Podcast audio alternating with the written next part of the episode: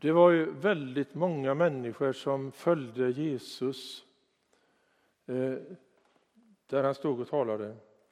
Man såg alla under som han hade gjort.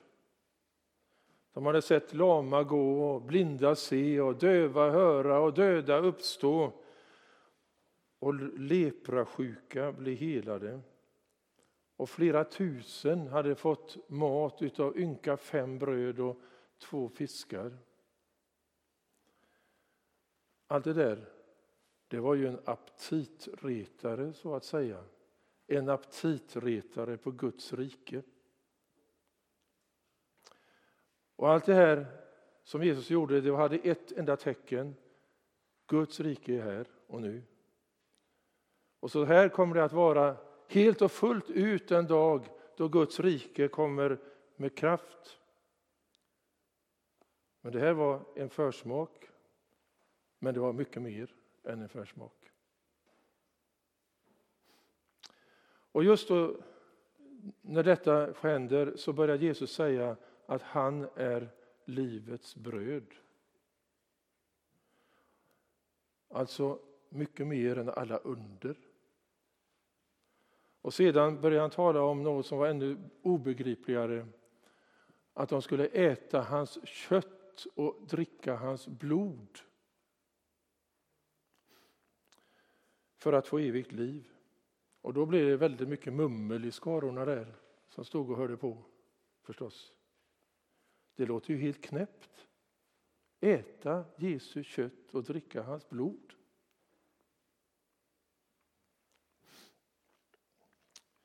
Men nu menar ju inte Jesus att man bokstavligen skulle äta hans kött eller dricka hans blod.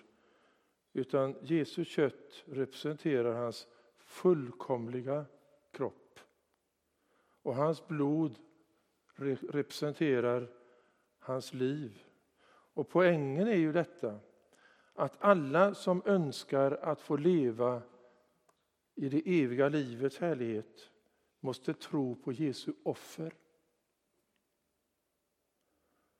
Allt sammans är ju bilder eller metaforer av den verklighet att Jesus offrar sig själv och det får jag tro och det får jag ta emot i mitt liv. Och nattvarden är ju också detta.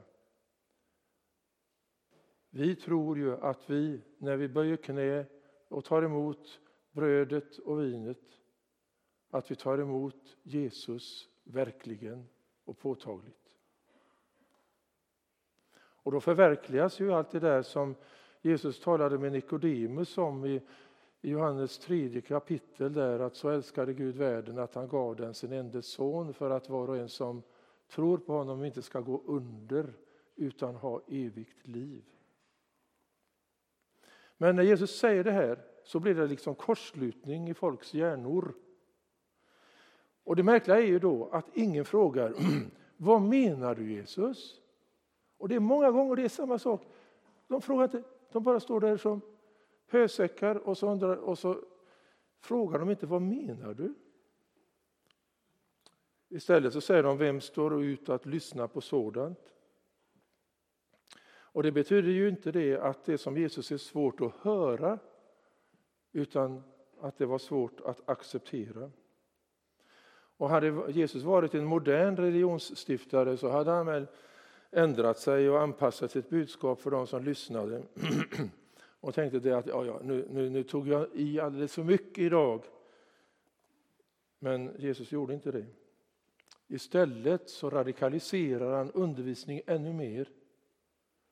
Han utmanar dem ännu mer och han talar om sin himmelsfärd, om hans, om sin gudomlighet, om Guds mysterium.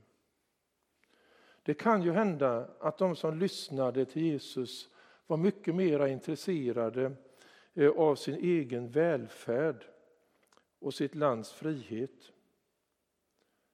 Men Jesus talar om Guds rikes verklighet och hur det kommer in i vår värld. Och om de nu som stod där och hade börjat följa Jesus och det var ju stora skaror och de tänkte nu att Jesus skulle, skulle förse dem med all materiell välsignelse eller jordiska motiv och genom att följa honom så fick de sluta med det. De skulle inte få några materiella fördelar genom att följa Jesus.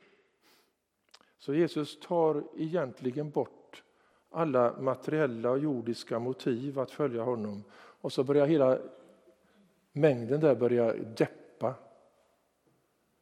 Och kan ni tänka er vilken scen det var? Massor av folk kom där och nu går massor av folk bort därifrån. Och lämnade Jesus. Och då såg det ut som det blev 1-0 till Satan istället för Jesus. Istället för 1-0 till Jesus. Det var någon som skrev en gång så här. Kyrkor har somrar och växer till som våra trädgårdar. Men sen kommer vintrar och mycket vissnar bort. Men det kommer en ny vår. Alltid. När Jesus kallar aposteln Paulus på honom när han möter Jesus på vägen till Damaskus i ett ljussken. Då säger han sedan till Paulus så här. Du kommer att berätta om mig för många olika folk och berömdheter och för Israels folk. Och då kan man ju tänka sig att tuppkammen reser sig på, på Paulus ganska rejält. Men så säger Gud till honom ett annan sak och kyler av honom och säger att han ska få lida mycket för hans skull. Han ska lida mycket för hans skull.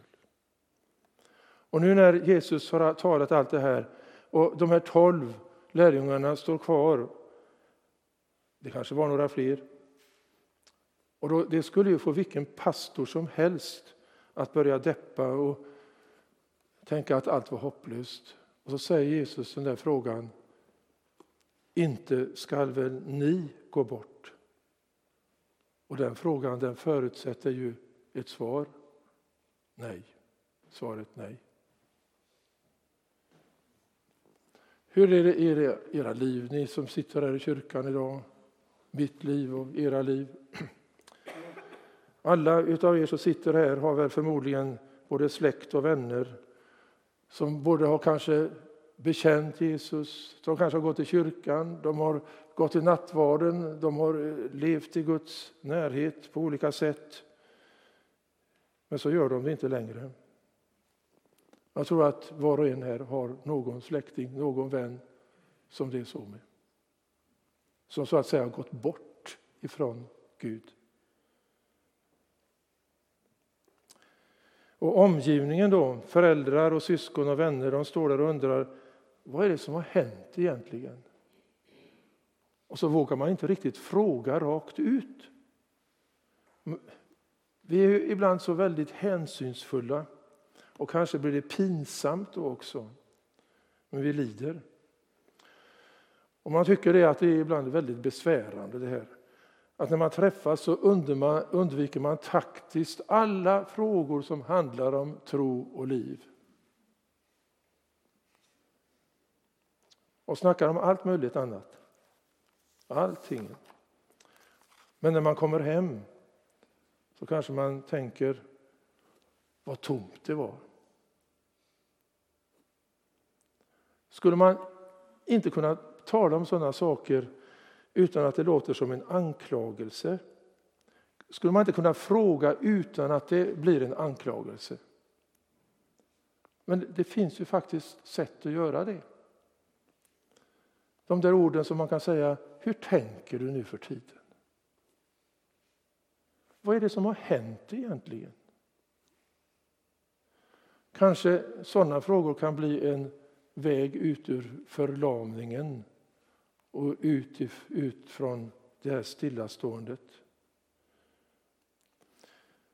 Det fanns en väldigt originell kinesisk pastor som berättade en gång att han mötte en vän som klart och tydligt sa det.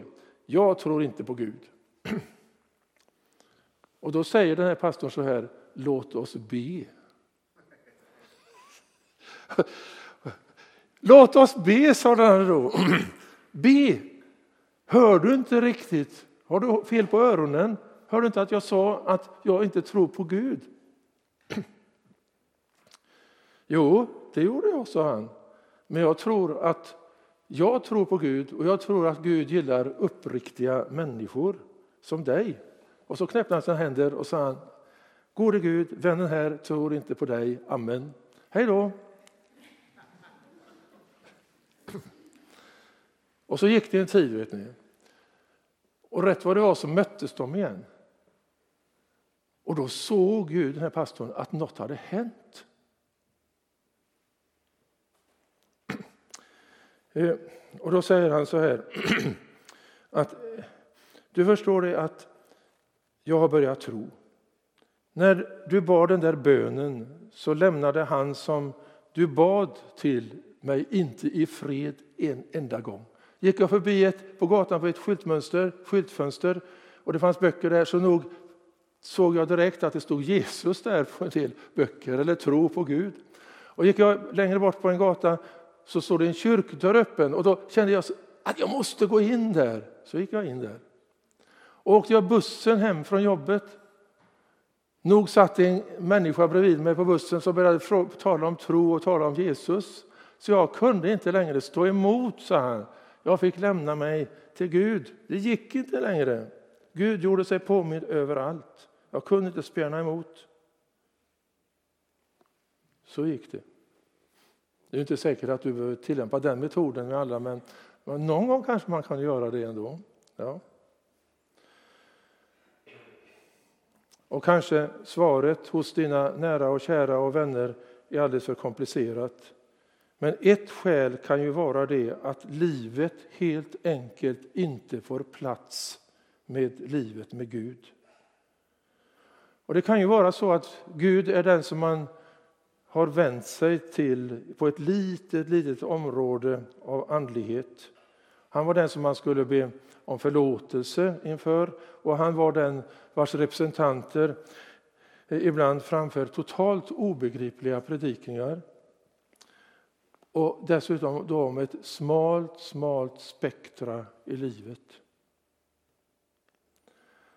Och det funkar kanske för barn som lever för dagen och inte har börjat uppleva den spännande tillvaron och alla utmaningar. Och sen dessutom så verkar det som om Gud inte alls var intresserad av denna tillvaro och då kan det ju bli väldigt trångt. Har Gud ingenting att säga till om mitt vardagsliv? Är han bara intresserad av min andliga sida? För livet är ju verkligen materiellt också. Och jag är utrustad med kropp och alla dess behov och massor av känslor som rycker och drar i mig. Jag vill göra en massa saker och har dessutom ett förnuft som ibland tycker jag är helt glasklart analyserar tillvaron men ibland bara skjuter fram en stor dimridå i livet. Var får Gud plats? Nej, för många blir det alldeles för trångt. Allt för trångt. Och så finns det massor av saker utanför kyrkdörrarna arbete och pengar och, och kulturliv och miljö och politik och så vidare. Och om jag i kyrkan får lära mig att Gud inte alls är intresserad av detta som uppfyller min dag och mina från morgon till kväll så kanske det inte är så intressant att umgås med en sådan Gud. Hur kan det bli så? Ja, det finns ju ett handikapp bland oss västerlänningar som medför, medför det att vi gör skillnad på andligt och materiellt. Vi vistas ju ofta i Afrika och där skiljer man inte på andligt och materiellt utan där sammanfaller allt sammans. Och så glömmer vi kanske här i vår tid att allt i livet måste fyllas av Guds närvaro och att gemenskapen med honom är nummer ett och det är han en dag, och det är detta som en dag kommer att vara kvar när allting annat tas ifrån oss eller försvinner.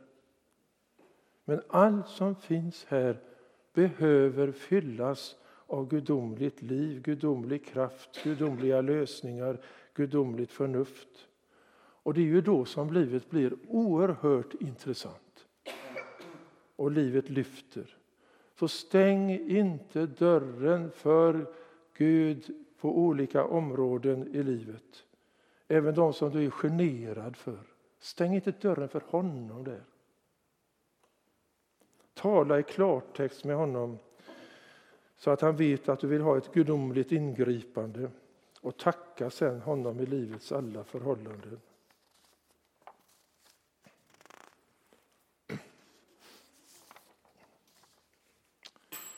Livet med Gud är ju inte bara andligt utan det är i högsta grad också materiellt.